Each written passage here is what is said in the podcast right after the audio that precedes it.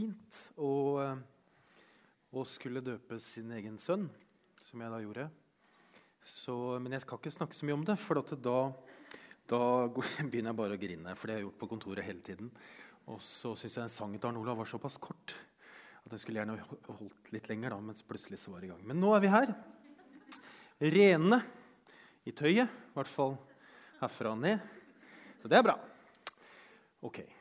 Um, vi har bilde på veggen nå, Benjamin. Det er flott. Det er bra, det. Dere får ha litt sånn uh, hva heter det, overbærenhet med starten, så jeg liksom får snakka meg i gang. Er det greit? Ja, det er bra. Som det står der, da, så har vi denne høsten, eh, ikke bare de siste tre ukene, inkludert denne, men også før, hatt eh, overskriften 'Kristen i 2019'. Eh, og eh, vi har snakka om Gud. Hvordan kan vi vite at Gud fins? Vi har snakka om tro og tvil og, og sånn. Vi har snakka om eh, vår plass i Guds store fortelling. Eh, vår altså som individuelle og som kirke. Og så har vi snakka for to uker siden om hvordan vi som kristne skal forholde oss til miljø og skaperverk og miljøkrise og sånt. Og for en uke siden så snakka Asbjørn Johansen om eh, å leve et raust liv midt i vår verden. Eh, I tillegg til det så har vi intervjua en del ulike folk i kirken om deres syn og hvordan de forholder seg til tro og arbeid, eller tro og livet. Eh, det å være kristen på jobben eller være kristen i pensjonisttilværelsen osv. Eh, det har vi gjort. Og I dag så skal vi da konkludere på en måte første delen med å snakke om tro og arbeid. Og så er Det jo sånn at det er jo ikke alle av dere som er i arbeidslivet. Noen har jo aldri vært det, kanskje. Eh, noen har kanskje akkurat avslutta en, en, arbeidskarriere eller yrkeskarriere og gått over i pensjonistenes rekker. Andre har vært pensjonister lenge. Noen står utenfor arbeidslivet av ulike årsaker. Arbeidsledighet eller sykdom eller andre ting. Eh, men uansett hva din hva din det er bare, Hvis du hører sånn suselyd, så er det bare bassenget som tømmes. Um, um, jo, uansett hva din situasjon er, så tenker jeg eh, at det jeg nå skal si noe om, at det er overførbart til livet du lever, om du er i jobb eller ikke. Fordi vi har jo alle forpliktelser og, og begrensninger og muligheter i det livet vi lever. Eh, stab og lederskap her fikk en bok i gave av meg Eh, ved starten av dette semesteret, som heter 'Samfunnsbygger', av en som heter Hermund Haaland. Det er han som det er bilde av. Jeg liker å gi bort bok i gave. Um, og den boken der den har et ganske sånn dystert bakteppe. Uh, for den viser til en del forskning, nyere forskning og undersøkelser som viser at opptil 70% av de av våre unge som er oppvokst i våre kirker, de forlater troen uh, når de blir voksne. Ofte i forbindelse med studier eller i forbindelse med jobb. Eh, og Hva er grunnen til at det skjer? Det kan man jo lure på. En av de instituttene som forsker mye på dette, heter Barna Institutt, som er i USA. Eh, og de viser, Det er mange ting de kommer opp med, men bl.a. så er det da mangelen på kobling mellom eh, det som skjer i kirken på søndag, og folks hverdag. Altså, Kirken er ikke relevant for folk flest. Altså, Det vi holder på med, med på søndager her, har liksom ingen betydning når mandagen kommer. At vi er på en måte i vår egen boble da, som kirke. Og det at uh, Kirken holder på i sin egen boble, det er ikke nytt. fordi jeg fant ut at i, i 1942 så var det en uh, som heter Dorothy Sawyers, som er en britisk krimforfatter. Hun skrev følgende uh, i 1942. Kirken har på det sterkeste vis mistet grepet om vår tid i sin måte å håndtere tenkning omkring våre sekulære yrker. Den har tillatt arbeid og tro å bli to atskilte områder og er overrasket over at arbeidet som et resultat er overgitt til selviske og destruktive mål. I tillegg har storparten av verdens utdannede arbeidstakere blitt ikke-religiøse eller i det minste ikke interessert i tro. Men er det virkelig overraskende? Hvordan kan noen som helst få bli interessert i en tro som ikke synes å ha noe å gjøre med ni tideler av livet? Det var i 1942. Det er jo spenstig og veldig voldsomt, egentlig. Hvordan kan noen som helst få bli interessert i en tro som ikke synes å ha noe å gjøre med ni tideler av livet? Så det vi har bestemt oss for her, da, litt sånn i all ydmykhet, er at vi har bestemt oss for at i hvert fall vi, når vi nå er på vakt eller er her, så skal vi i hvert fall gjøre det vi kan for at den 70 reduseres her hos oss og bli lavest mulig. Og Det er derfor vi kommer til å snakke i det uvinnelige om tro og liv, tro og arbeid, og at det henger sammen. Noen vil si at det betyr å snakke sant om hvem Gud er, og hva det betyr å tro, og sant om livet. Og så håper jeg eh, at når jeg skal si noen ting nå, eh, at jeg ikke gjør Gud mindre for deg. Jeg håper at jeg klarer å formidle et bilde av Gud som gjør at Gud blir større for deg. Fordi Det jeg bekymrer meg for, det er de menneskene som forlater troen på Gud. Bevisst eller ubevisst. Og så lurer jeg på hva er det de velger å vende ryggen til? Altså, Hvilket gudsbilde har de som har gjort at de velger å la være å tro? Vi som kirke vi har jo noen overordna prinsipper som vi tror på i forhold til hva som står i Bibelen. Men hvordan disse prinsippene anvendes for deg og meg, det er jo opp til deg og meg. Det tror vi faktisk at du selv er skarp nok til å finne ut av. At man har noen prinsipper, hvordan man velger å anvende de, det tror vi eh, at hver og en er i stand til å finne ut av. Og så ser det veldig forskjellig ut, fordi vi lever forskjellig liv og har forskjellige eh, hva heter det, områder på en måte, som vi lever i. Men vi skal snakke om tro og arbeid. Og For å begynne et sted da, så består Bibelen i hovedsak av fire fortellinger på en gang. Det første er skapelsen. Altså når Gud skapte jorden. Så er det fallet, altså syndefallet, når mennesket blir skilt fra Gud. Så er det da forsoningen, som er da når Jesus kommer til jorden, dør på korset og står opp igjen i påsken. Det er forsoningen, og gjenopprettelsen er den dagen som Jesus kommer igjen og gjør himmelen og jorden til ett. Det er Bibelens fire store fortellinger. Og skapelsesfortellingen den kan du lese i første Mosebok, den første boken i Bibelen. og Den handler altså om at Gud arbeider i hagen. Altså, Han arbeider med å skape jorden i skapelsesberetningen. Og så kan det være lurt Eh, å tenke at eh, skapelseshistorien ikke nødvendigvis er et naturvitenskapelig eh, gir oss en naturvitenskapelig forklaring på hvordan jorden ble til, men at det handler om å fortelle om at livet har en rytme som handler om arbeid, hvile og tilbedelse. At vi er skapt til å ha en sånn iboende rytme av arbeid, av hvile og tilbedelse. Og Gud arbeidet jo i skapelsen, og da kan man si at, at, arbeid er en velsignelse ut fra skapelsen, rett og slett fordi jorden ble jo til. Og Det betyr da at vi også kan se på arbeid eller jobb som en velsignelse. Jeg skal si noe mer om det senere, men det er en pastor i, i Presbyterian Church i New York som heter Timothy Keller, som er ganske kjent som forfatter og som som teolog, og han sier at arbeid er like mye et basisbehov for mennesker som mat og søvn og vennskap og seksualitet og skjønnhet og bønn. Og så sier han at et godt arbeidsliv er ikke bare en medisin for sjelen vår, men det er mat for sjelen. Så meningen med arbeid fra skapelsen av er at den er en velsignelse for oss. Men så kommer jo da dette fallet, dette syndefallet. Når Adam og Eva spiser av denne frukten i hagen som de ikke skulle, og, eh, og, som gjør at ondskapen kommer inn, og som gjør at de må ut av hagen, så står det jo da i første Mosebok da om arbeid at med strev skal du nære deg av den alle dine levedager. Den skal la torn og tistel spire framfor deg, og du skal spise det som vokser på marken. Med svette svette i ansiktet skal du spise ditt brød inntil du vender tilbake til jorden, for av den er du tatt. Støv er du, og støv skal du vende tilbake til. Og Det er jo noe litt annet enn at arbeid er en velsignelse, og at vi skal realisere oss selv. og Jeg skal bare finne meg en jobb, så det beste ut av meg blir til. Og, og alt er rosa og lilla og flott. og, og sånn, ikke sant? Det er noe helt annet. Hvordan henger dette sammen? Altså I skapelsen så er Gud gartner. Det er et praktisk yrke. Han arbeider. Når Jesus kommer til jorden, så er han snekker. Han tar snekkerutdanning og blir veldig praktisk.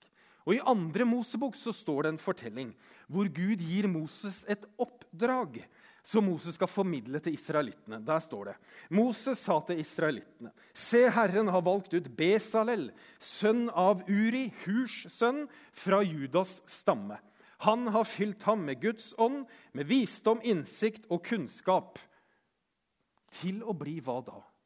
Pastor? Prest? Lovsangsleder, kanskje? Kanskje han skulle bli misjonær? Kanskje de skulle innta et annet rike? Hva skulle de? Jo, han har fylt ham med Guds ånd, med visdom, innsikt og kunnskap, og med dyktighet i alle slags håndverksarbeid, står det Benjamin. Personlig til deg. Så han kan tenke ut og lage kunstferdige arbeider i gull, sølv og bronse, slipe steiner til innfatning, skjære ut i tre og utføre alle slags kunsthåndverk. Han har gitt ham og Oholiab, sønn av Ashiamak fra Dans stamme, evnen til å lære opp andre. Han har fylt dem med visdom i hjertet til å utføre alle slags håndverk og kunstnerisk arbeid, og til å veve i farget garn og fint lin, i purpurblått, purpurrødt og karmonsinrødt. De skal tenke ut og lage alle slags håndverk. Altså, Gud fylte en mann med Guds ånd, med visdom, med innsikt og kunnskap, fordi han trengte å lage et telt som han skulle bo i. Dette teltet skulle være fylt av Guds ånd, og han skulle ha en mann til å lage det. Når Jesus sier hvem, Johannes når han skriver i sitt evangelium om hvem Jesus er, og hva han kom for, så skriver han at ordet ble menneske. Og så står det 'og tok bolig iblant oss'. Og dette ordet 'ta bolig' betyr kjøtt. Eh, nei, det betyr ikke. Det kan oversettes med 'å flytte inn' eller 'å slå opp teltet sitt'. Du ser en sammenheng mellom teltbygging i første Mosebok, andre Mosebok og Johannesevangeliet. Og gjennom det står det at han ble menneske, så forkynte han at Guds rike er kommet nær til dere. At det er her. At han har flytta inn. Inn i deg og inn i meg. Hvorfor gjorde han det?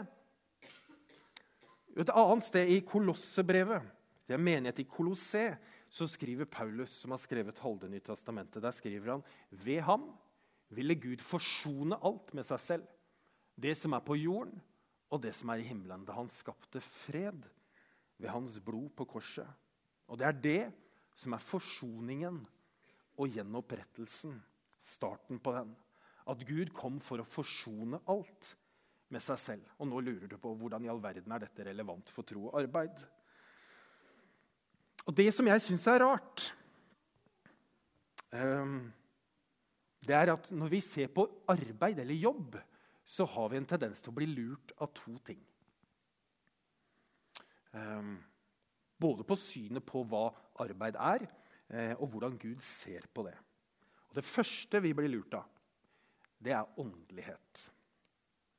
For Hva betyr det egentlig at noe er et kristent arbeid? Er det noe som er mer åndelig enn annet? Og er det da noe arbeid som er mer åndelig enn noe annet? Vi kan jo ofte be, i hvert fall før vi, når vi er i studier og når vi akkurat har begynt å jobbe, kanskje, så ber vi om at, om at Gud må vise, seg, vise, oss sin vei i forhold til studiet, så vi gjør noe som ærer Han, og at vi får en jobb hvor vi kan tjene Han, osv. Og, og så tenker vi fort at dersom vi skal tjene Gud med jobben vår, så må vi jobbe med noe som har med noe kristent å gjøre. Og Før reformasjonen, før Martin Luther, så var det jo sånn at det var kun arbeid i kirken som var kristent arbeid. Men så kom Martin Luther, og så forkynte han da at det ikke bare var det åndelige livet som var av verdi for Gud. Men vanlig, praktisk, ærlig arbeid skal ses på som et like stort kall, sa han, som de åndelige profesjonene, altså det å være prest og biskop og diakon og sånt. At de yrkene, de praktiske yrkene dermed ikke er mindre verdt enn det å drive med bønn og lovsang. Han var veldig tydelig på arbeidets egenverdi. Og hvorfor mente han det? Hvor hadde han det fra? Jo, Paulus menigheten i Kolossé, da, de strev, strevde tydeligvis med det, fordi han skrev alt arbeid skal dere gjøre helhjertet, for det er Herren og ikke mennesker dere tjener. Og Det betyr at den jobben du har, er ikke noe bare du gjør mandag til fredag. Det er jo det. Men det kan faktisk være en gudstjeneste du gjør når du er på jobb. Det er en tjeneste for Gud fordi du gjør det for Herren. Et ærlig og helhjertet arbeid som ærer Gud. Og Da spiller det ingen rolle om du er snekker eller baker eller politiker eller politi eller advokat eller hva du er. Fordi alt arbeid skal dere gjøre helhjertet, for det er Herren og ikke mennesker dere tjener. Paulus skriver også et brev til en menighet i Efesos, og der skriver han i kapittel 2.: For vi er Hans verk, altså du og jeg. Vi er skapt i Kristus Jesus til gode gjerninger, som Gud på forhånd har lagt ferdig for at du skal vandre i dem. Og det er så fint. Og Det gjelder jo også jobben din. At Gud har skapt deg til gode gjerninger som du kan gå inn i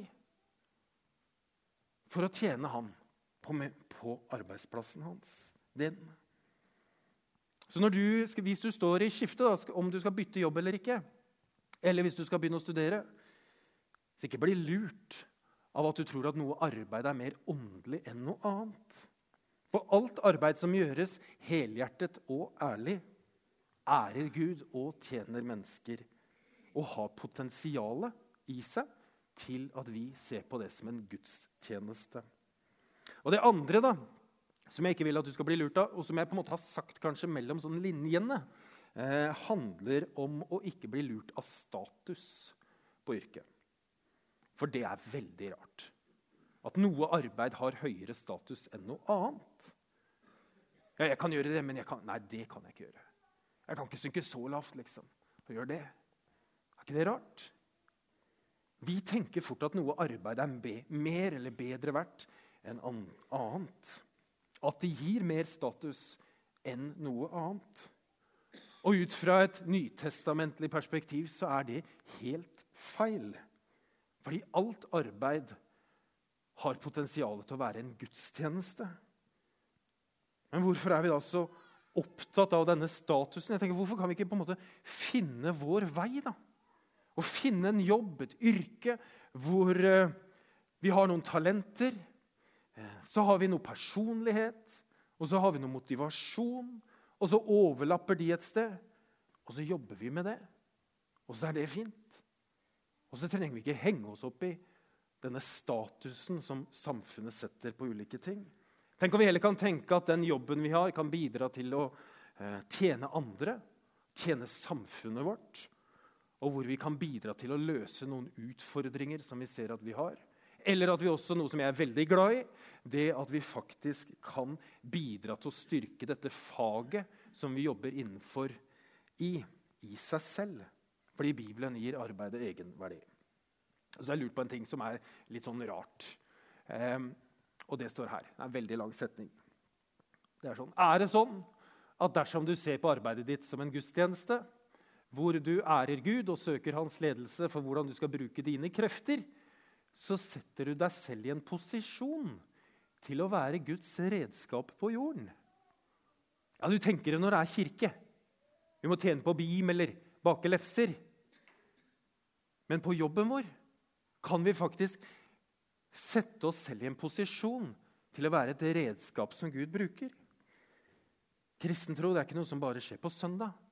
Men når Gud flytta inn, så ble han inkarnert i oss, som vi bærer med oss hele tiden. Jeg har spurt noen i høst om eh, hva innebærer det for deg å være kristen på jobben. Og da har jeg fått ganske mange forskjellige svar. Og så er det noen som tenker at det spørsmålet er helt feil. egentlig. Fordi det å tro på Jesus det er på en måte inkarnert i meg. Han har flytta inn. Det sitter så dypt i meg at jeg kan faktisk ikke skille det. For det, det å være kristen på jobben da, tenker jeg, hvis dette er nytt for deg, betyr ikke at du må evangelisere hele tiden i lunsjen. betyr ikke at du må henge opp kors over hele liksom, kontorsalen, og i hvert fall over din inngang til ditt kontor. Du må ikke det. Og så, for jeg tenker, Tenk hvis kristne musikere bare spilte kristen musikk. Det var det eneste de kunne spille. Eller hvis kristne forfattere bare kunne skrive kristne bøker.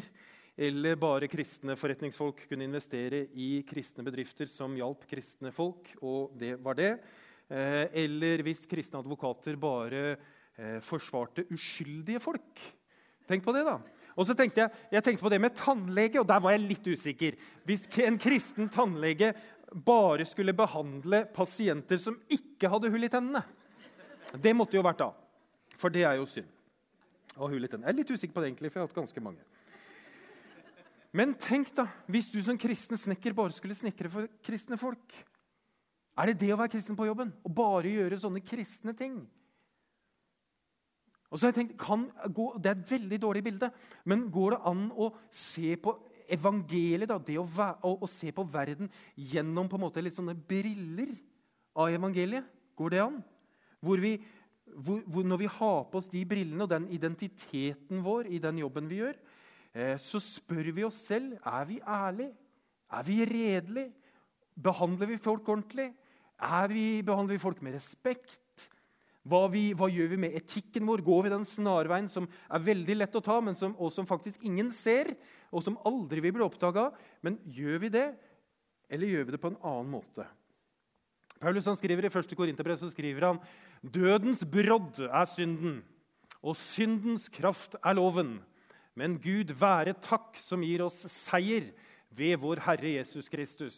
Derfor, mine kjære søsken, stå fast og urokkelig, Arbeid raust og rikelig for Herren, for dere vet at i Herren er ikke deres strev forgjeves. Ja, det er et strev. Det er det å jobbe, til og med en kirke. Det er veldig strev. Det er så mye folk. Det er vanskelig. Det er det. Det er utfordringer hele tida. I hvert fall i en kirke. Ja, du blir sliten. Du gjør det. Eh, men ditt strev er ikke forgjeves. Arbeid raust og rikelig. For Herren, står det. Om du jobber i kirke, eller om du er snekker eller bak, du kan gjøre det for Herren, for du vet at i Herren er ikke ditt strev forgjeves. Og Av og til så kan jeg føle Jeg som står midt i sånn barneoppdragelse, midt i regningsbetaling, midt i konflikter og, og, utfordringer, og midt i når det er sykdom og det er vanskeligheter, midt i en jobb som krever mye, og du kan tenke at han har jo muntlig eksamen hver søndag når han står her på plattformen. Midt i det så føler jeg av og til at jeg står og øser vann av et hav som aldri tar slutt. Jeg kan øse og øse og øse, og det hjelper aldri. Har du kjent på den følelsen?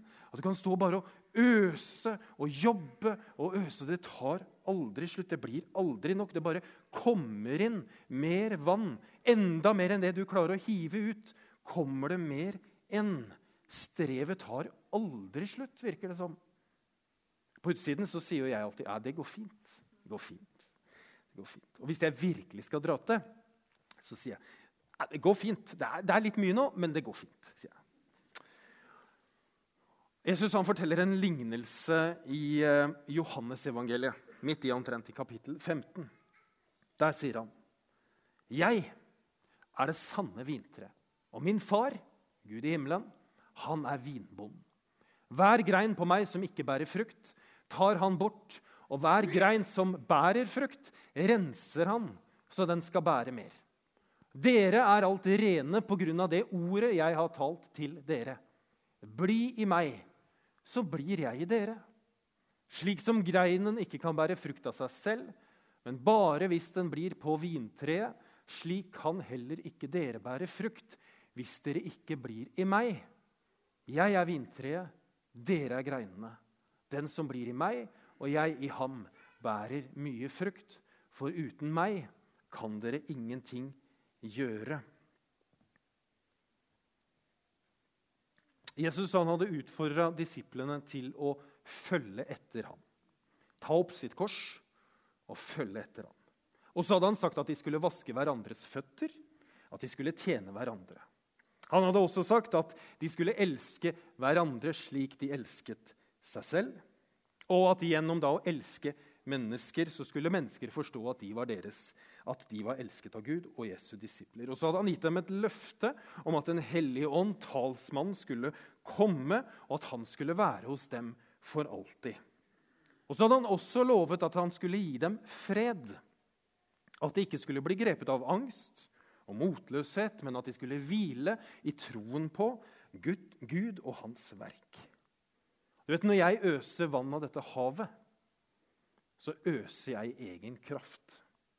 Da blir jeg utslitt, jeg blir sur, jeg blir irritert. Og det blir en ekstremt dårlig versjon av meg selv. Og når du stresser med å være en god kristen på jobben, så tenker jeg at du går i egen kraft. Du trenger ikke det. For du kan, som i denne teksten her, hvile i at du er koblet på, poda på, et vintre som er Jesus. Og hvis du kan hvile i det,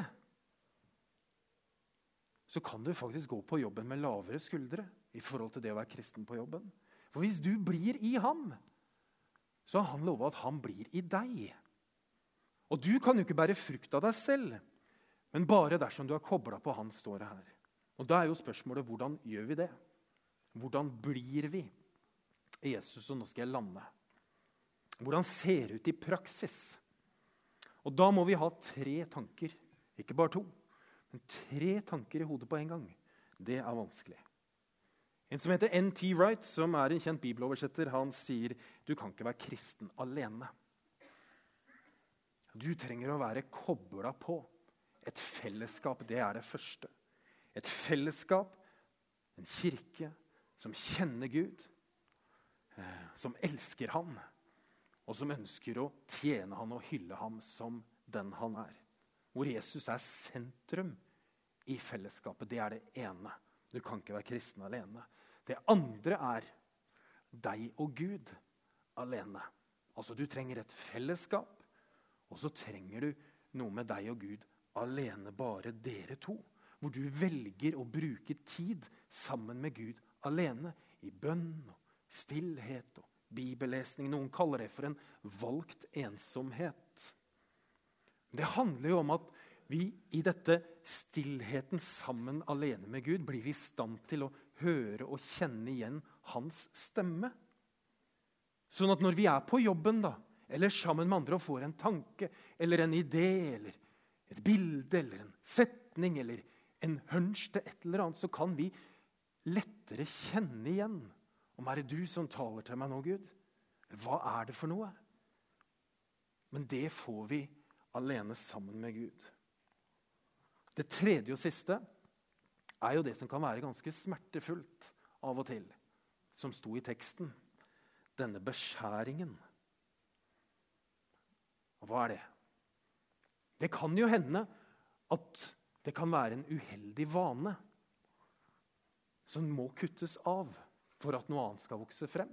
Det kan det være. Det kan være mange ting. Det kan hende at du trenger å være ærlig med noe som du ikke har lyst til å være ærlig om, eh, men som du vet at det er rett å være ærlig om. Eh, fordi hvis du er ærlig, så vil da en ny frukt komme frem. Men du vil det ikke egentlig, men du vet at det egentlig er rett. Det er sånne ting. Og da kjenner vi jo alltid på motstand til det. Men så er det noe med at vi vet egentlig at det er rett. Fordi vi alle har jo våre ting. Jeg har jo masse. Og gjennom livet med Jesus og med andre mennesker så slipes vi. Og kuttes litt der og kuttes litt der. Og, så vokser noe nytt frem som bærer rik frukt. Og så du vet jeg at Når en vinbonde, da, eller når du står og beskjærer epletreet så er jo faktisk aldri nærmere epletreet enn akkurat når du beskjærer. Det er jo da du er nærmest. Og kanskje Gud er som nærmest deg nettopp når han beskjærer. Og da kan vi faktisk, hvis vi klarer det, møte en sånn beskjæringsprosess i takknemlighet over at Gud er oss nær, at han vil oss godt, og at han vil bruke oss til noe mer. Ok. Vi skal straks feire nattvær. Men jeg har tenkt på det, at jeg tror at noen av oss som er her, trenger å bli ha en opplevelse av at vi er kobla på dette vintreet igjen. Fordi vi har vært borte lenge. Og så har det sett fint ut, men nå så begynner det å tære på. Og du er mer hissig Virker jo som jeg er hissig. Du er mer sliten, kanskje.